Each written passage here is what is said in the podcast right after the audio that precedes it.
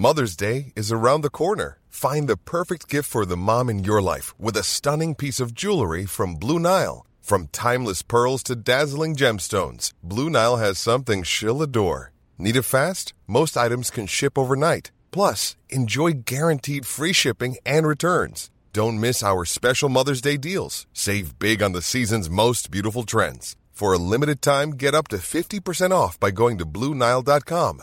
That's BlueNile.com.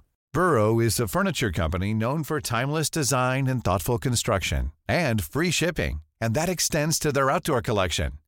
Their outdoor furniture is built to withstand the elements, featuring rust-proof stainless steel hardware, weather-ready teak, and quick-dry foam cushions. For Memorial Day, get 15% off your Burrow purchase at burrow.com slash ACAST and up to 25% off outdoor. That's up to 25% off outdoor furniture at burrow.com slash ACAST. There's never been a faster or easier way to start your weight loss journey than with PlushCare. PlushCare accepts most insurance plans and gives you online access to board-certified physicians who can prescribe FDA-approved weight loss medications like Wigovi and Zepbound for those who qualify. Take charge of your health and speak with a board-certified physician about a weight loss plan that's right for you. Get started today at plushcare.com slash weight loss. That's plushcare.com slash weight loss. plushcare.com slash weight loss.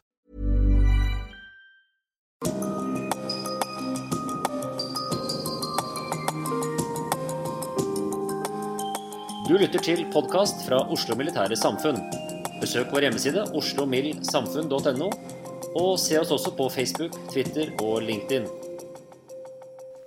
Det er sånn at jeg tror det er Hvert semester de siste årene så har vi hatt eh, en bestemt region, Asia, som, som et av de viktigste satsingsområdene i semestrene. Men det skal innrømmes at vi har vært veldig fokusert på Kina av ulike årsaker. Men det å se denne regionen i en helhet og se hva som vokser frem der, ikke bare Kina, men flere andre stormakter, Pakistan, India, hvordan de interagerer, og hvordan de samarbeider, hvordan de konkurrerer, det er det en del som har forsket på også i Norge. Og en av de fremste har vi med oss her i dag. Det er Zaira Basit, ph.d. fra Universitetet i Oslo og visedekan ved Forsvarets høgskole. Temaet i aften er som vi ser, Asias stormakter posisjonerer seg. Strid og samarbeide mellom India, Pakistan og Kina. Zaira, talerstolen er din. God aften. Dette er en veldig eh, stor tematikk. Og jeg har tenkt å ta utgangspunkt i noe som har fått veldig mye medieoppmerksomhet det året her. For å belyse forholdet mellom spesielt India, Pakistan og Kina. Og det er Kashmir-konflikten. Og det skal jeg gjøre å snakke litt om bakgrunnen for konflikten. Hva er status i området nå? Hvordan påvirkes egentlig andre makter av denne konflikten? her? Og fins det noen langsiktig løsning? Og det siste blir selvsagt litt drodling.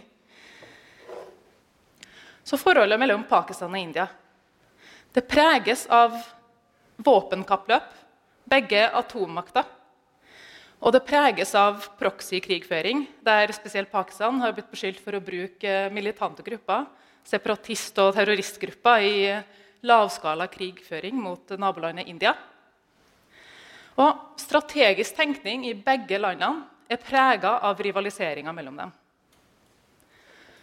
For å demme opp mot dette så har Pakistan utvikla en tradisjon for å låne makt utenfra, spesielt fra USA, fra Saudi-Arabia og fra Kina. India har hatt en litt annen strategi. Selv om de har vært en del av den ikke-allierte bevegelsen, så har de jobba for å danne partnerskap i regionen som motvekt med Afghanistan og andre sentralasiatiske land, med Iran, Israel. Og de har hatt et uh, godt forhold til Russland over mange tiår. Kina og India, Asias to største makter, har vært i dyp rivalisering siden 60-tallet. Og Indias atomvåpenstyrke er like mye retta mot Kina som mot Pakistan. Og som dere vet, så er Kina også en atomvåpenmakt. Mens Pakistan og Kina de har vært på godfot siden 60-tallet. Så hva er den historiske bakgrunnen for Kashmir-konflikten? Etter andre verdenskrig sto britene igjen med økonomiske problemer, som omsider førte til frigjøringa av britisk India. Så i juni 1947 satt det åtte menn i et rom rundt et bord i New Delhi. I Delhi var det da. Og De ble enige om at de skulle dele opp det sørasiatiske subkontinentet. Og I rommet satt bl.a. lederen av den nasjonale kongressen indiske nasjonale kongressen. Til venstre der, Jawaharlal Nehru. Han ble også den, den første statsministeren i India. Og På høyresida der så ser dere Mohammed Ali Jinnah. Han var leder av Muslim League og ble den første lederen av Pakistan. Og så i midten der ser dere den siste britiske visekongen av India, lord Mountbatten, Louis Mountbatten. Så de tre karene her, Nero, Gina og Mountbatten, de så i utgangspunktet for seg en noenlunde fredelig oppdeling som skulle resultere i sekulære og demokratiske land. Til tross for at oppdelinga skulle være basert på religion. Provinsene skulle bli delt opp basert på religiøst flertall, mens delvis uavhengige fyrstedømmer, som britisk India også bestod av, fikk velge sjøl. Tanken var at de med muslimsk majoritet skulle gå til Pakistan, og de med hinduistisk majoritet skulle gå til India, altså på fredelig vis. Men tidsplanen den var altfor stram. Og ingen forberedelser var blitt gjort med tanke på den massive strømmen av flyktninger. Grensene ble tegna opp av en britisk advokat og delte opp lokalsamfunn og familier. Og I praksis så ble oppdelinga et av historiens aller største blodbad. Hvor mellom en halv og en million mennesker mista livet sitt. Og det sier jo litt. da. Vi vet ikke om det var en halv eller en hel million. Mange flykta over grensa og ble fordrevne fra egne hjem. De ble drept. Og millioner av muslimer ble igjen i India. Og mange hinduer ble igjen i Pakistan. Og tillegg så florerer jo, og florerte jo regionen av mange andre eh, religiøse og etniske grupper. Forskjellige greiner av islam, sjiamuslimer, mange millioner kristne, mange millioner sikher osv.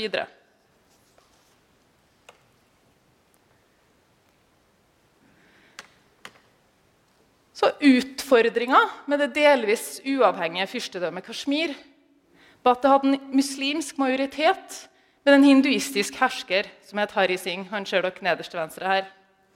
Og det oppsto konflikt om hvilken nasjonalstat det ressursrike og frodige landskapet skulle tilhøre. Den konflikten her brøt ut i krig, og Kashmir ble etter FN-mekling delt opp med den såkalte kontrollinja mellom Pakistan og India, som også er der i dag. Og Det vakre naturlandskapet her det har forblitt et åpent sår, det største åpne såret i forholdet mellom de to atommaktene. Og Kina tok til seg deler av Kashmir på 60-tallet etter enighet med pakistanerne. Og Dette anerkjennes jo ikke av inderne, som gjør krav på hele Kashmir, mens Pakistan på sin side gjør krav på indiskkontrollerte Kashmir.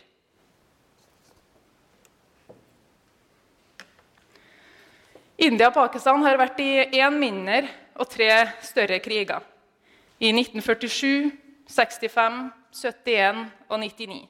I tillegg til mange flere mindre væpna sammenstøt. Tre av krigene her har bunnet i at begge land gjør krav på hele Kashmir. Og I krigen i 1971 så var det litt annerledes. For der bisto inderne Øst-Pakistan, nå Bangladesh, med å bli frigjort fra Pakistan.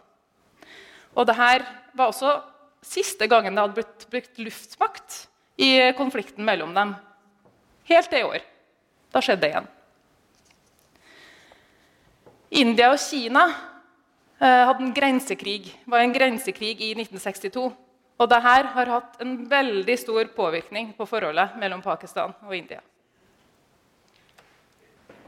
Så alle de krigene her har ikke akkurat etterlatt seg mer klarhet når det gjelder nasjonale grenser. Det er sånn, Dere får pugge det mens det er der, og så forsvinner det snart. Så Ved siden av, ved siden av at Kashmir er veldig rikt på ressurser, spesielt vann, så har det blitt en del av India og Pakistans nasjonale identitet. Pakistan ble oppretta for muslimer. Og det å miste Kashmir vil si å miste deler av legitimiteten for statsdannelsen sjøl. Og det er mange som mener at K-en i Pakistan den står jo for Kashmir. Mens inderne har også jobba veldig hardt for å knytte, tett, altså knytte, Kashmir tett opp mot sin eh, nasjonale identitet. Og inderne gjør også krav på kinesisk kontrollerte Kashmir. Og Det som er veldig viktig for å skjønne konflikten i dag og det som har skjedd i år, er den interne konflikten mellom kasjmirere og den indiske sentralmakta. Det har vært veldig mye uro, spesielt de tre siste tiårene. Og I India så var det en gang enighet om å gi Kashmir en semi-uavhengig status. Men inderne endte opp med å undertrykke befolkninga som et forsøk på å dempe opprør og beskytte nasjonal suverenitet. Den politiske dialogen har med andre ord vært veldig dårlig. Og etter uavhengigheten så ble det påstått at opprøret i indisk-administrerte Kashmir ble sponsa av Pakistan. Og dette har i senere tid mer eller mindre blitt bekrefta. I denne perioden her, derimot, de tre siste tiårene, så har det vært krefter internt i Kashmir som har ønska enten komplett løsrivelse og uavhengighet eller å tilhøre Pakistan. Og I 2017 så drepte indiske styrker en viktig leder av opprøret. Burhan Mani, som var leder av den militante gruppa Hizbul Mujahedin. Han var en frontperson, og dette førte til ytterligere opprør i området. Og Siden da så har uh, indiske Kashmir vært en tikkende bombe. Det har vært flere sammenstøt, det har vært flere mindre terrorangrep. Og Således så var ikke terrorangrepet i februar i år, som drepte mellom 40 og 50 mennesker, noen overraskelse. Og det er en veldig effektiv måte har det vist seg, å gjøre opprør på. jihadisme. For I regionen så har vi også sett militante grupper som en gang var sekulære separatister, som har begynt å bruke jihadistvirkemidler isteden, for at det skaper mye mer oppmerksomhet. Dessverre. Og man skal ikke legge skjul på at Sponsing av militante grupper i Kashmir har blitt benytta som en metode for lavskala krigføring av Pakistan. som jeg var inne på tidligere.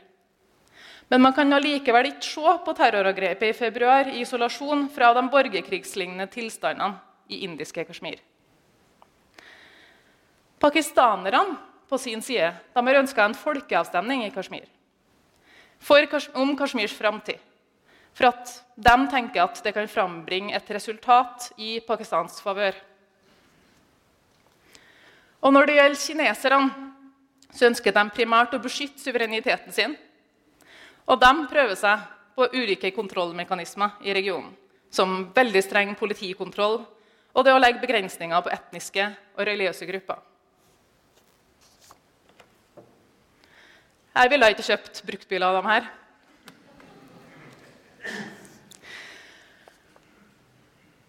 Militante grupper som ødelegger muligheten for fred, såkalte spoilere, har vært vanlig kost i forholdet mellom Pakistan og India.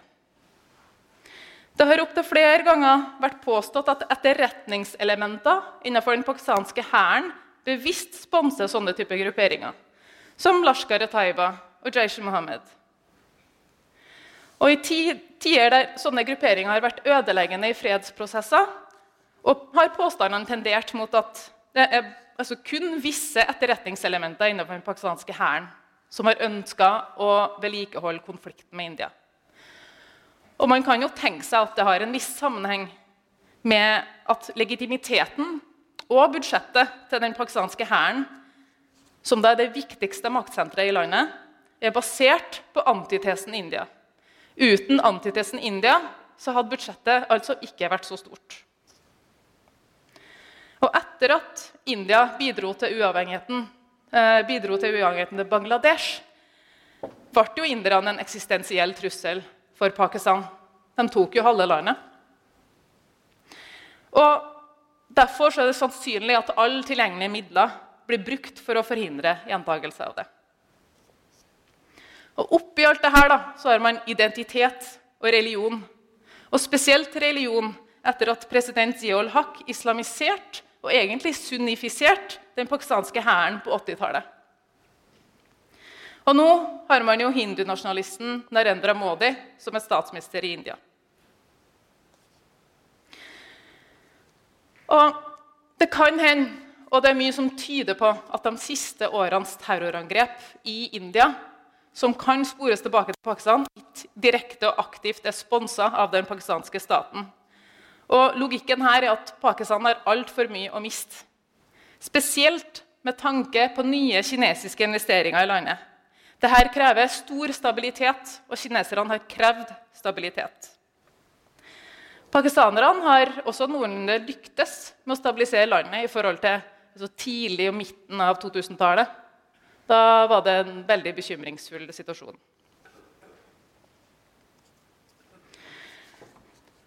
Jeg tenker at uh, Indiske reaksjoner og det som har skjedd um, den siste tida, handler mer om problemet med å huse militante grupper. Altså la dem oppholde seg på et territorium uten å aktivt motarbeide. Selv om dette ikke er direkte og aktiv støtte, er det den største tryggheten en terrorist- eller separatistgruppe kan få. Og Det er sånn også inderne legitimerte sin bruk av luftmakt tidligere i år i pakistansk-kontrollerte Kashmir. Ved å si at Jaish Mohammed, som tok på seg skylda for terrorangrepet i Kashmir, hadde planlagt flere lignende terrorangrep. Og Indernes retorikk går ut på at pakistanerne må slutte å huse militante grupper. Så et dilemma oppi alt dette gjør det ekstra komplekst. For Pakistan og alle stater som ikke har full kontroll, og som huser militante grupper, at dersom man prøver å kvitte seg med interne militante grupper uten å lykkes fullstendig, kan de komme sterkere tilbake. Og dette har Pakistan opplevd opptil flere ganger. Samtidig er husing av militante grupper et veldig farlig spill, siden det ikke finnes noen garanti for at de ikke plutselig vender dersom de finner mer profitt andre plasser. Så sett fra den andre sida av grensa så er trygt opphold den beste støtten en gruppe kan få. Det sikrer overlevelse, og selvsagt så er det veldig provoserende for staten som blir angrepet. Og igjen når det gjelder religion. Pakistansk identitet er da bygd rundt islam. Samtidig bor det i dag like mange muslimer i India pga. befolkningsveksten. India er i utgangspunktet et sekulært demokrati, men regjeres av et hindunasjonalistisk parti. Og kinesiske myndigheter på sin side de skjønner ikke seg på islam i det hele tatt. Med andre ord, altså, Religion betyr noe oppi alt det her. Men det som betyr mye mer, opprør, oppmerksomhet og makt.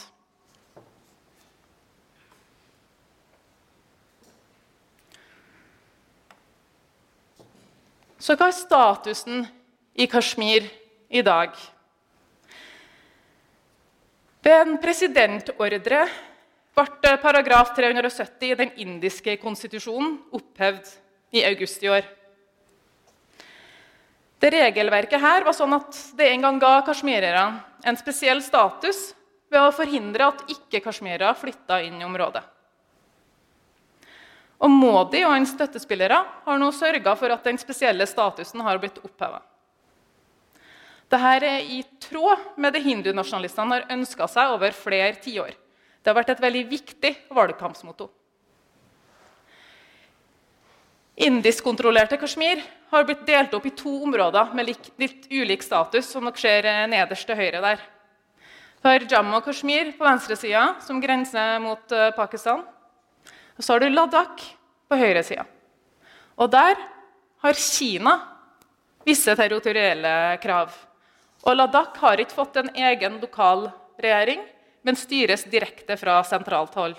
Som har gjort til at kineserne også en gang har reagert kraftigere enn de har gjort uh, i det siste når det har vært uh, mindre konflikter i Kashmir. Og det som har skjedd er at uh, Inderne har jo blitt veldig bekymra for at det skal bli mer uro i regionen. Så de har sendt inn masse militære styrker. De har innført eh, portforbud. Internettilgang er bort. Telefonnettet er ned. Og med all grunn, tenker jeg, at de har all grunn til å være urolig. og i praksis da, så innebærer opphevelsen av paragraf 370 at f.eks. hindunasjonalister kan kjøpe opp eiendom og bosette seg i Kashmir. Og over tid så kan man fjerne den muslimske majoriteten i delstaten. Så som dere kanskje har tenkt over, så er ikke, verdens altså femte-sjette person inder. Det bor ganske mange indere i India. Så det å liksom bli majoritet i Kashmir er fullt mulig dersom man gjør et massivt tiltak. Og For inderne er det nettopp det her som er poenget. Et fullintegrert Kashmir i den indiske unionen.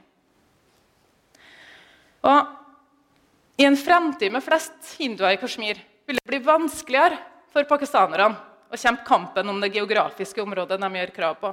Fordi igjen, Pakistan ble oppretta som en stat for muslimer.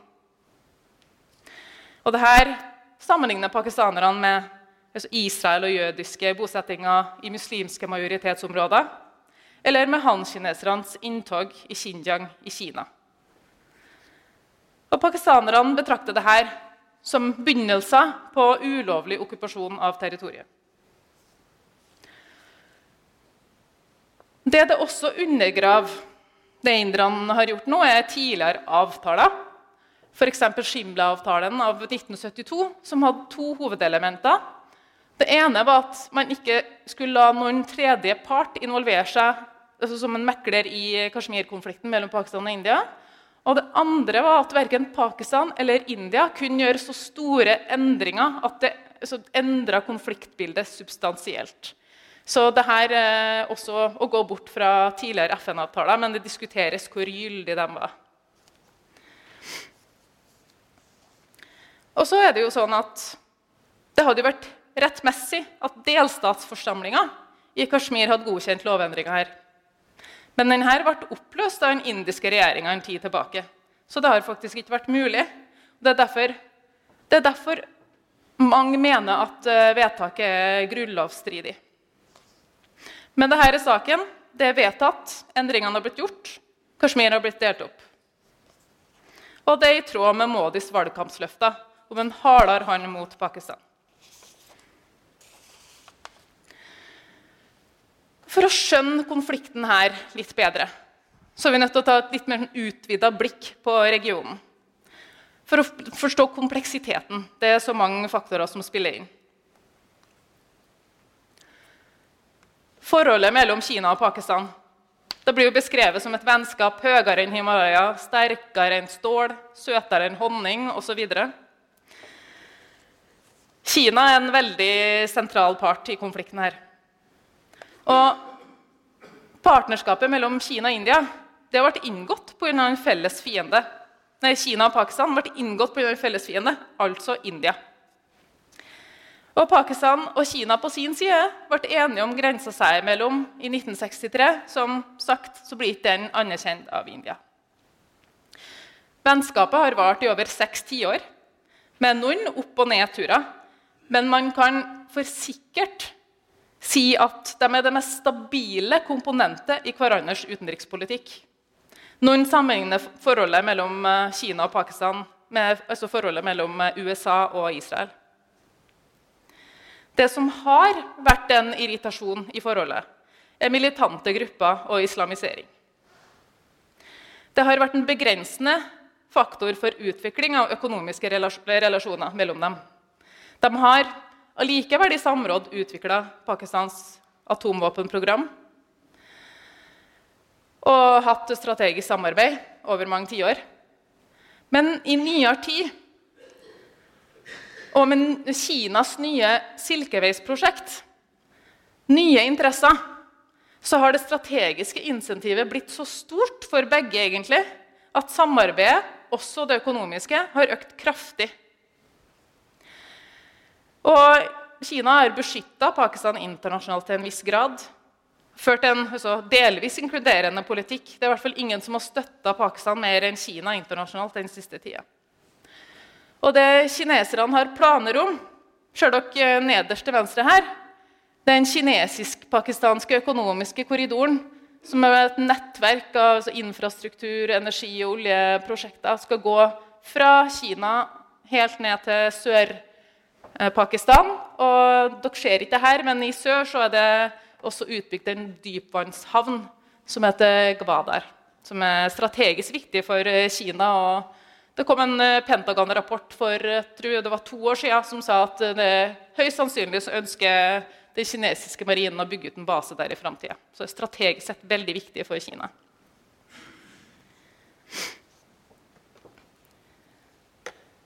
Og dersom kineserne klarer å gjennomføre det pilotprosjektet her Den korridoren er et pilotprosjekt i det nye Silkeveisprosjektet.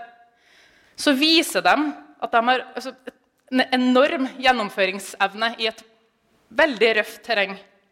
For dette krever også veldig mye sikkerhetssamarbeid langs hele ruta. Det kryr av militante grupper med motstridende interesser i Pakistan. Og så er Pakistan viktig for Kina på den måten som det alltid har vært. Det holder India litt i sjakk.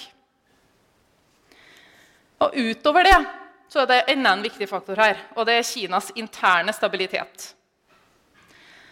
Pakistan er viktig på en måte at Framfor et land som kunne huse militante grupper, så betrakter kineserne Pakistan som nøkkelen til å bekjempe militante grupper. For de ser på, ser på Pakistan altså de, de, tenker at de forstår det bedre.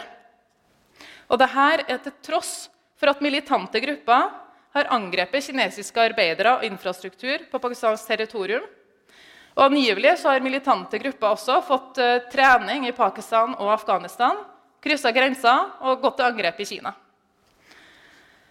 Pakistan grenser mot eh, Kinas provins Xinjiang, som har vitna det største opprøret i Kina i nyere tid. Og store deler av befolkninga i Xinjiang er muslimer.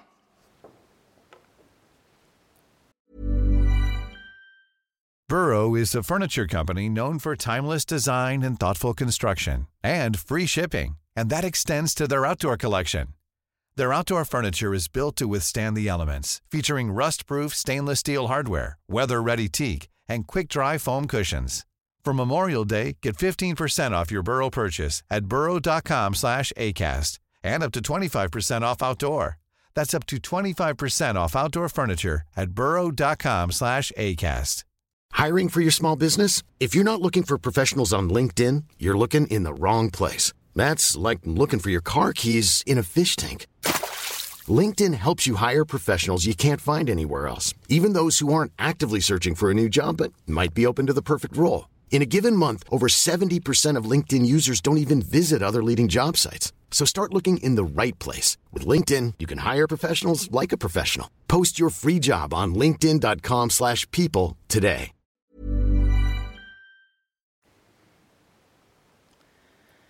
Så over til forholdet mellom India og Kina. Som nevnt så har de vært i en grensekrig i 1962. Og siden da så har de hatt et forhold prega av mistillit. Den krigen her kom faktisk litt overraskende på statsminister eh, Nero. Han forventa den ikke. Det var jo andre i strategiske sirkler som mente at de forventa det, men han forventa det ikke. Og dette danna et historisk kompleks i indisk strategisk tenkning. Det ser vi i atomvåpendoktrinen, det lille man hører om den maritime doktrinen i India. Det er prega av det komplekse her. Det er også lange, uavklarte grenseområder mellom India og Kina. Og Inderne mener at Kina ikke er interessert i å løse grensekonflikten. De trenger den for å holde situasjonen i sjakk. Og de to landene stormaktene, har gått over i en økende stormaktsrivalisering etter at begge har fått større økonomiske og militære muskler. Og den Rivaliseringa spiller seg også ut i noen av landets mindre stater, som f.eks. Myanmar. Der ser man det tydelig. Og Inderne har med ny regional stormaktsstatus hatt et ønske om å begynne å se bort fra Pakistan. Fokusere mer på økonomi, det er Kina som skal være den ordentlige konkurrenten til India. Men dette har ikke lyktes helt. Fordi at det er mange i indiske strategiske sirkler som nå ser på India Nei, beklager. Det blir veldig forvirrende, for det er så mange aktører. Som ser på Pakistan og Kina som én og samme trussel. Og dem, noen av dem forbereder seg på en tofrontskrig. Samtidig er det viktig å huske at Kina er Indias største handelspartner. Riktignok med en handelsbalanse som er sterkt i Kinas favør. Den kinesiske korridoren gjennom Pakistan har ført til nye disputter mellom Kina og India. Deler av korridoren er planlagt å gå gjennom det inderne ser, ser, på som uavklart territorium i Gilgit og Baltistan i pakistansk kontrollerte Kashmir. Og inderne har protestert kraftig på det prosjektet. De har også fått USA og deler av det øvrige internasjonale samfunnet med på laget. Og India er motstander ikke bare av korridoren som bygges i Pakistan, men også det overordna prosjektet, nye Silkeveisprosjektet. Og ved sida av å bygge altså, motstand ved å få amerikanerne med på sida si, har India også intensivert utviklinga av en dypvannshavn sør i Iran som heter Chabahar med en tilhørende korridor som da skal gå opp til Afghanistan. Og De ser på dette som en konkurrent til dypvannshavn som Kina har bygd ut i Pakistan. Og Om Chabahar så har afghanerne uttalt tidligere at, uh, at de vil nå bruke den til å, til å transportere gods. De vil transportere gods gjennom Iran. Og India har lenge ønska seg et alternativ en alternativ inngang til Sentral-Asia, som er veldig ressursrikt. Også fordi at pakistanerne har stilt seg på bakbeina som en transittkorridor for India. India har også lansert sin egen såkalte se mot øst-politikk. Og Det kan være for å balansere opp mot kinesisk innflytelse i nærområdet. Så en liten konflikt som på interessant vis demonstrerte bruken av indiske muskler og førte til oppbygging av luftmakt langs grensa mellom eh, India og Kina. Det var Doklam-konfrontasjonen i 2017. Der rykka kinesiske arbeidere inn for å forlenge et veiprosjekt kalt Doklam sørover rundt punktet hvor Kina, Bhutan og India møtes. Kineserne betrakter området som kinesisk territorium, mens Bhutan har gjort krav på samme territorium. Og Inderne har faktisk mandat til å ta seg av Bhutans sikkerhetspolitikk og diplomatiske interesser. Så de rykka da inn med 270 soldater og bulldosere for å stoppe den kinesiske utbygginga. Og Det førte igjen til utrykning av kinesiske soldater. Og Sjøl om den konfrontasjonen her ga seg etter ti dager, så førte den til ytterligere oppbygging på begge sider av grensa, spesielt når det gjelder luftmakt. Og det som gjør det området her ekstra sensitivt for inderne, er en smal korridor som heter Siliguri-korridoren. Den binder nordøstdelen av India sammen med resten, og den er bare 17 km på sitt smaleste. Så det inderne er bekymra for her, er jo en gjentagelse av 1971, altså Bangladesh-krigen, bare motsatt. Og det er også sannsynlig at Doklam-konfrontasjonen henger sammen med Indias motstand mot Kinas nye silkeveisprosjekt. Og så er det Afghanistan. Afghanistan er faktisk en av hovedgrunnene til vedlikehold av konflikt mellom India og Pakistan. Og det brukes som et kort på hånden av begge. Det har så direkte implikasjoner på Kashmir-konflikten. Inderne har lenge vært en av de største sivile bidragsyterne i Afghanistan. Og De har begrunna det med at uh, landet ligger i Indias forstørrede nabolag, de trenger tilgang til Sentral-Asias ressursrikdommer osv. Begge parter, altså India og Pakistan, er høyst skeptiske til motpartens aktivitet i Afghanistan. Inderne har etablert mange såkalte konsulater, beskyldt for å drive etterretningsvirksomhet mot pakistanske interesser. og sponsing av militante grupper som skaper uro i den pakistanske provinsen Balochistan. Pakistan har på sin side en lang og uavklart, uavklart grense mot Afghanistan. Og de har gjort sitt for å påvirke sikkerhetssituasjonen i landet gjennom husing av militante grupper, og da særlig Taliban. Og Pakistans tradisjonelle krav for forbedring av forholdet med Afghanistan er at afghanerne anerkjenner den såkalte Duran-linja som skiller Pakistan og Afghanistan. Og ikke minst, som et absolutt krav, at India trekker seg helt ut av Afghanistan. Og Som en kompliserende faktor i det spillet her, så har kineserne også den siste tida gjort fullt innrykk i Afghanistan. De har på en måte venta på sidelinja, venta til at situasjonen skal roe seg ned noe, og nå er de på vei inn igjen. Og Her har jeg lyst til å ta en pause i det her og dra linja tilbake til grunnlovsendringa, endringa av eh, paragraf 370 eh, i den indiske konstitusjonen. Fordi det var ikke tilfeldig at eh, Modi valgte å gjøre det nå. Det er få som taper mer enn India og statsminister Modi på fredsforhandlingene med Taliban, som Pakistan er dypt involvert i. Taliban er jo erklært en erkefiende av India. Indere har aldri samarbeidet med dem. Og Oppi alt det her så sier pakistanerne nå at de har måttet flytte styrker som sikrer den porøse grensa mellom Pakistan og Afghanistan, over til grensa mot India. Og at det her påvirker, altså direkte påvirke fredsforhandlingene med Taliban, og det setter Pakistan i en dårligere sikkerhetssituasjon. For det man også har sett den siste tida, at uh, visse talibanere gjemmer seg i Afghanistan, krysser grensa inn til Pakistan og angriper. Så de har fått det motsatte problemet. Uansett, poenget er at det som skjer i Afghanistan, har hatt og kommer høyst sannsynlig til å fortsette å ha direkte påvirkning på forholdet mellom Pakistan og India, altså også på Kashmir-konflikten, og vice versa.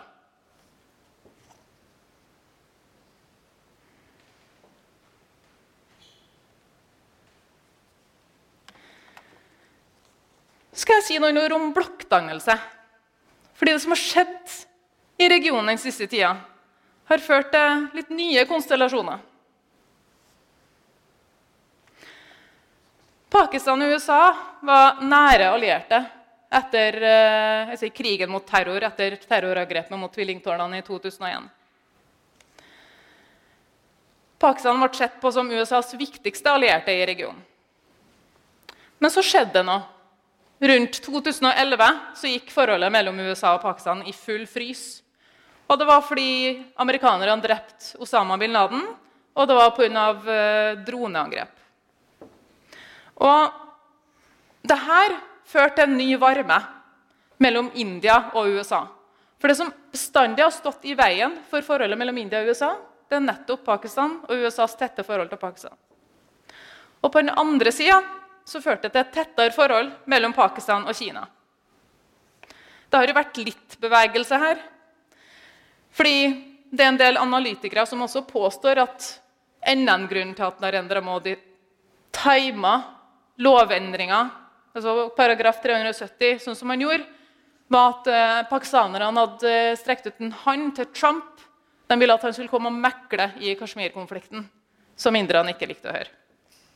De er sterke, Inderne er sterke motstandere av tredjepartsinvolvering i Kashmir-konflikten. Men som sagt da, så har India og USA kommet nærmere sammen. Og USA trenger en ny alliert i regionen. Spesielt pga. Kina og for å demme mot Kina.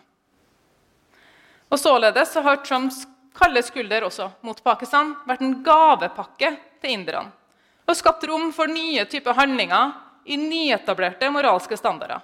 For Trump og Modi har mer til felles enn det her. De er begge høyrevridde ideologer. Og det var stor heiastemning da det var valg hos begge parter.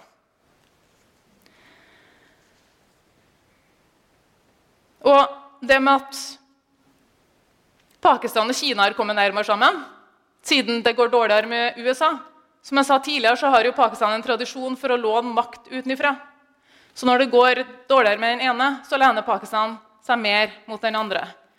Og det har, Dette er tredje runden det har vært frys i forholdet mellom USA og Pakistan. Så det er ikke noe nytt. Pakistan har beveget seg mot Kina hver gang. Så har det skjedd noen interessante bevegelser, sånn som Russland, som tradisjonelt har vært veldig nær India, har i den siste tida også nærma seg Pakistan. Blitt interessert i å selge litt våpen til Pakistan. Og det her har ikke blitt tatt imot eh, så veldig altså, har, ikke vært, eh, har ikke inderne vært så glad for. Og grunnen til det her er også Afghanistan. Russerne er interessert i fredsforhandlingene i Afghanistan.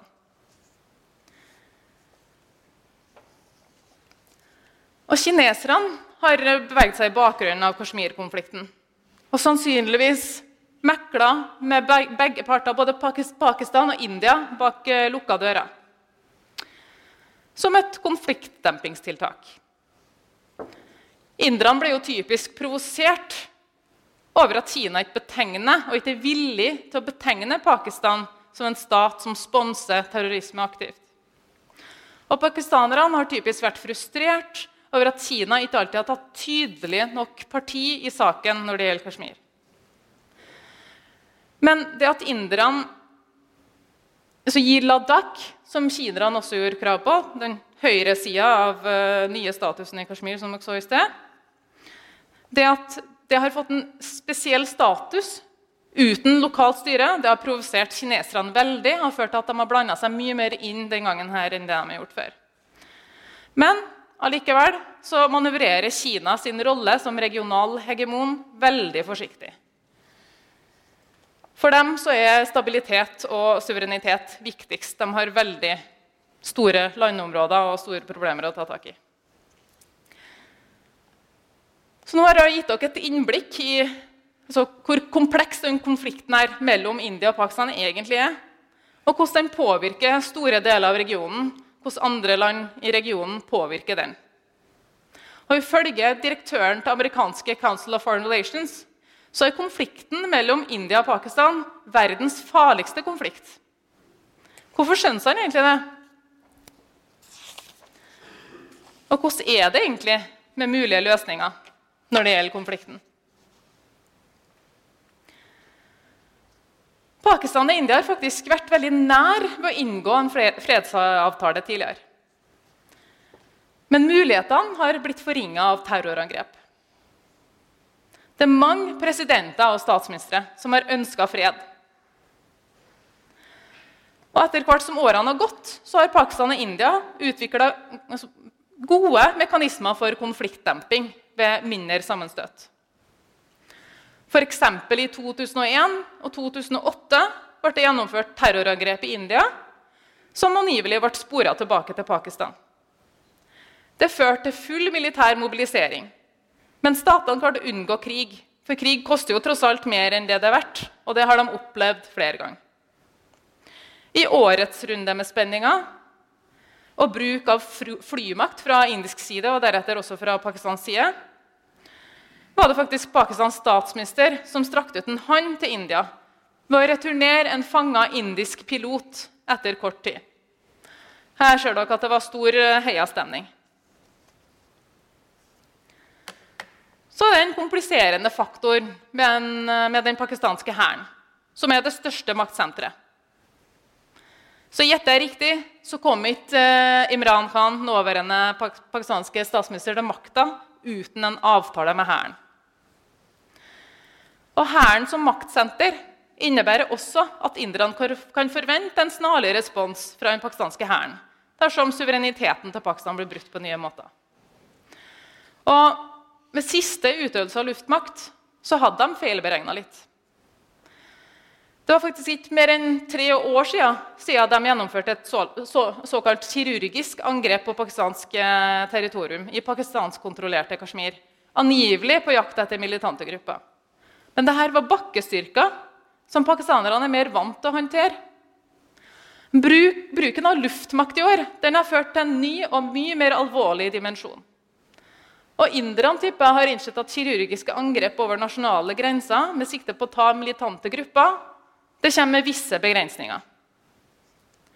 Og forhåpentligvis så har både India og Pakistan lært av det som gikk galt i årets trefning i lufta, og tatt med erfaringer inn i framtidige konfliktdempingsmekanismer. Og Modi ble jo stilt i et ganske dårlig lys etter at Imran Khan returnerte den indiske piloten. Og Piloten ble behandla som en helt i India. Og Hans heltestatus kom jo til syne på flere måter. Det ble eh, populært med pilotbart. Det var flere salonger som eh, ga tilbud om gratis pilotbartfrisyre.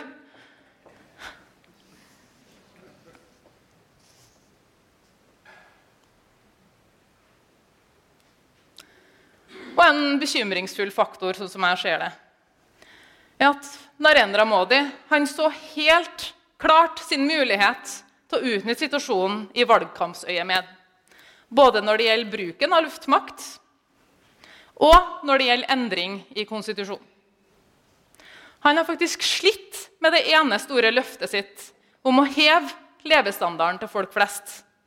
Og forsøker med dette å bygge på sitt andre løfte om et sterkt indisk forsvar og en hardere hånd mot Pakistan. Og når det er sagt, da, selv om Modi finner støtte hos mange, og spesielt hindunasjonalister, så vil jo ikke de fleste inderne ha krig. Men vi snakker fortsatt om to atommakter med massive problemer når det gjelder militante grupper og opprør. Så inderne har også, også problemer i eh, Nordøst-India, med separatistgrupper f.eks. Og så har den siste tida vist at terskelen for å bruke militærmakt den er ikke så høy. Og det er faktisk ikke noen andre atommakter som har bomba hverandre på den måten India og Pakistan har gjort. I fredstid. Delvis fredstid, i hvert fall. Og Selv om landene har gode konfliktdempingsmekanismer, kan man ikke se bort fra at det blir en ny konvensjonell krig og det er jo mange forskere som påstår at det å ha atomvåpen det gir en viss stabilitet, og at konvensjonell krig blir mindre sannsynlig. Dette er riktig. Det tror jeg er riktig. Men Pakistan og India har vært involvert i en minnekrig i 1999 etter at de fikk atomvåpen. Og Konvensjonelle kriger kan lett føre til en spiral av misforståelser som eskalerer situasjonen mer. Og man prøver jo konstant å beregne fiendens neste trekk, og krig er jo uforutsigbart for dem som er tilhengere av Clausewitz. I.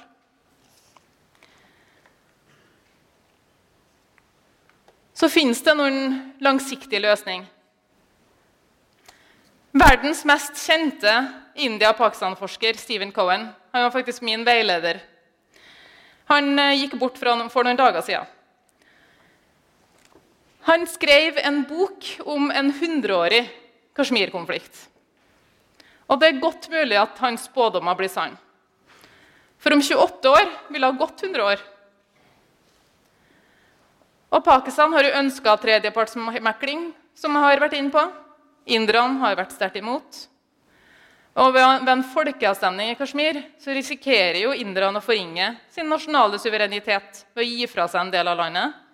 Det kommer ikke til å bli aktuelt. Det er spesielt viktig for land med flere og sterke etniske og religiøse grupper å holde landet samla. Eller så kan det skape nye trender, og det har regionen opplevd tidligere. Det vil uansett aldri bli aktuelt for inderne å gi Kashmir til Pakistan. Og en idealverden så kunne man jo håpa på en grense i Kashmir som i økende grad mister betydning. Men så lenge det fins elementer som nyter godt av uro, tror ikke jeg det vil skje heller. Men det betyr ikke at inderne og pakistanerne ikke kan jobbe for å videreutvikle mekanismer for fred, framfor å bite på agnet som til sjuende og sist livnære militante grupper. Og det er delvis sterke politiske motreaksjoner som gir middelmakt. Men først og fremst tenker jeg at begge land må rydde opp i interne forhold. Som skal til for å dempe konflikten på sikt. Inderne må håndtere opprøret i Kashmir indiskkontrollerte Kashmir framfor å undertrykke det. Og Pakistanerne må ta en storoppvask når det gjelder sin jihadistpolitikk og husing av militante grupper som krysser nasjonale grenser. Så bare litt sånn drodling rundt hva som skjer når inderne opphever restriksjonene som er i Kashmir nå, etter å ha endra statusen. Det har vært portforbud siden dagen før statusendringa tredde i kraft. Blir det nye terrorangrep? Kommer det fremmedkrigere inn i regionen? Hva vil de pakistanske reaksjonene være? Kommer det til å blusse opp masse interne militante grupper som skaper mer uro? Uansett hva som skjer, så kommer inderne til å beskylde Pakistan for all uro og nye terrorangrep. Og midt oppi det tenker jeg at det vil være greit å huske at pakistanerne har ganske mye å miste akkurat nå. De står i fare for ytterligere internasjonal isolasjon og sanksjoner pga. husing av militante grupper. Det er mye som står på spill i form av kinesiske investeringer i landet. Det er en grense for hvor mye kineserne kan holde ut med. For rundt midten av 2000-tallet ble angrepene mot kinesiske arbeidere eh, på Pakistans territorium så hyppig at kineserne valgte å trekke seg helt ut. Et nytt terrorangrep i India, der Pakistan blir beskyldt altså for å stå bak, kommer til å svekke Pakistans kamp for om å få oppmerksomhet fra det internasjonale samfunn når det gjelder Kashmir-konflikten. Og Imran Khan har faktisk gjort en hel del for å prøve å få oppmerksomhet i det siste. Han har dratt linja mellom Modi og Nazi-Tyskland. Han snakker om en skremmende menneskerettighetssituasjon, om faren for etnisk rensing i Kashmir om en mulig framtidig massemigrasjon mot Vesten. Det som er sikkert oppi alt dette, at veien til normalisering av Pakistan-India-forholdet har blitt mye, mye lenger enn før i løpet av det siste året. Og Noen kilder jeg snakka med, mener at Pakistan har begynt å gi litt opp håpet når det gjelder Kashmirs endrede status. Og I så fall så virker kanskje Modis strategi i Kashmir om å tvinge gjennom en så essensiell endring. Det kommer også som må inn på, altså rapporter om at det er ganske store deler av styrkene eh, som sikrer Pakistans grense mot Afghanistan, som har måttet flytte seg. Og så ser man tegn til et økende problematisk forhold mellom Imran Khan og den pakistanske hæren. Eh, og dersom det kommer et stort terrorangrep i Kashmir nå, så kan det bli vanskelig å roe ned situasjonen igjen når spenningene allerede er så høye. Men det som er sikkert og visst, at det skjer ingenting mellom Pakistan og India. Det blir ingen fred dersom de ikke finner en løsning på Kashmir-konflikten som nummer én, og det som skjer i Afghanistan. Det var det jeg hadde. Takk for nå.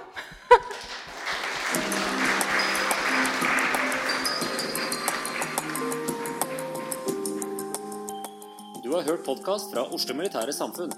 Besøk vår hjemmeside oslomildsamfunn.no, og besøk oss gjerne på sosiale medier som Facebook, Twitter og LinkedIn.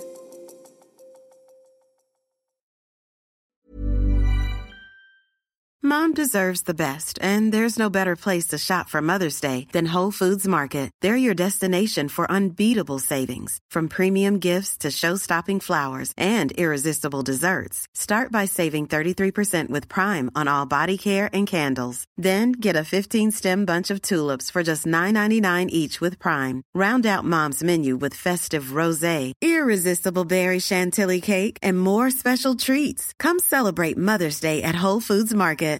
Flexibility is great. That's why there's yoga. Flexibility for your insurance coverage is great too. That's why there's United Healthcare Insurance Plans. Underwritten by Golden Rule Insurance Company, United Healthcare Insurance Plans offer flexible, budget friendly coverage for medical, vision, dental, and more. One of these plans may be right for you if you're, say, between jobs, coming off your parents' plan, turning a side hustle into a full hustle, or even missed open enrollment. Want more flexibility? Find out more about United Healthcare Insurance Plans at uh1.com. Planning for your next trip? Elevate your travel style with Quince. Quince has all the jet setting essentials you'll want for your next getaway, like European linen, premium luggage options, buttery soft Italian leather bags, and so much more. And it's all priced at 50 to 80% less than similar brands. Plus, Quince only works with factories that use safe and ethical manufacturing practices. Pack your bags with high-quality essentials you'll be wearing for vacations to come with Quince. Go to quince.com slash trip for free shipping and 365-day returns.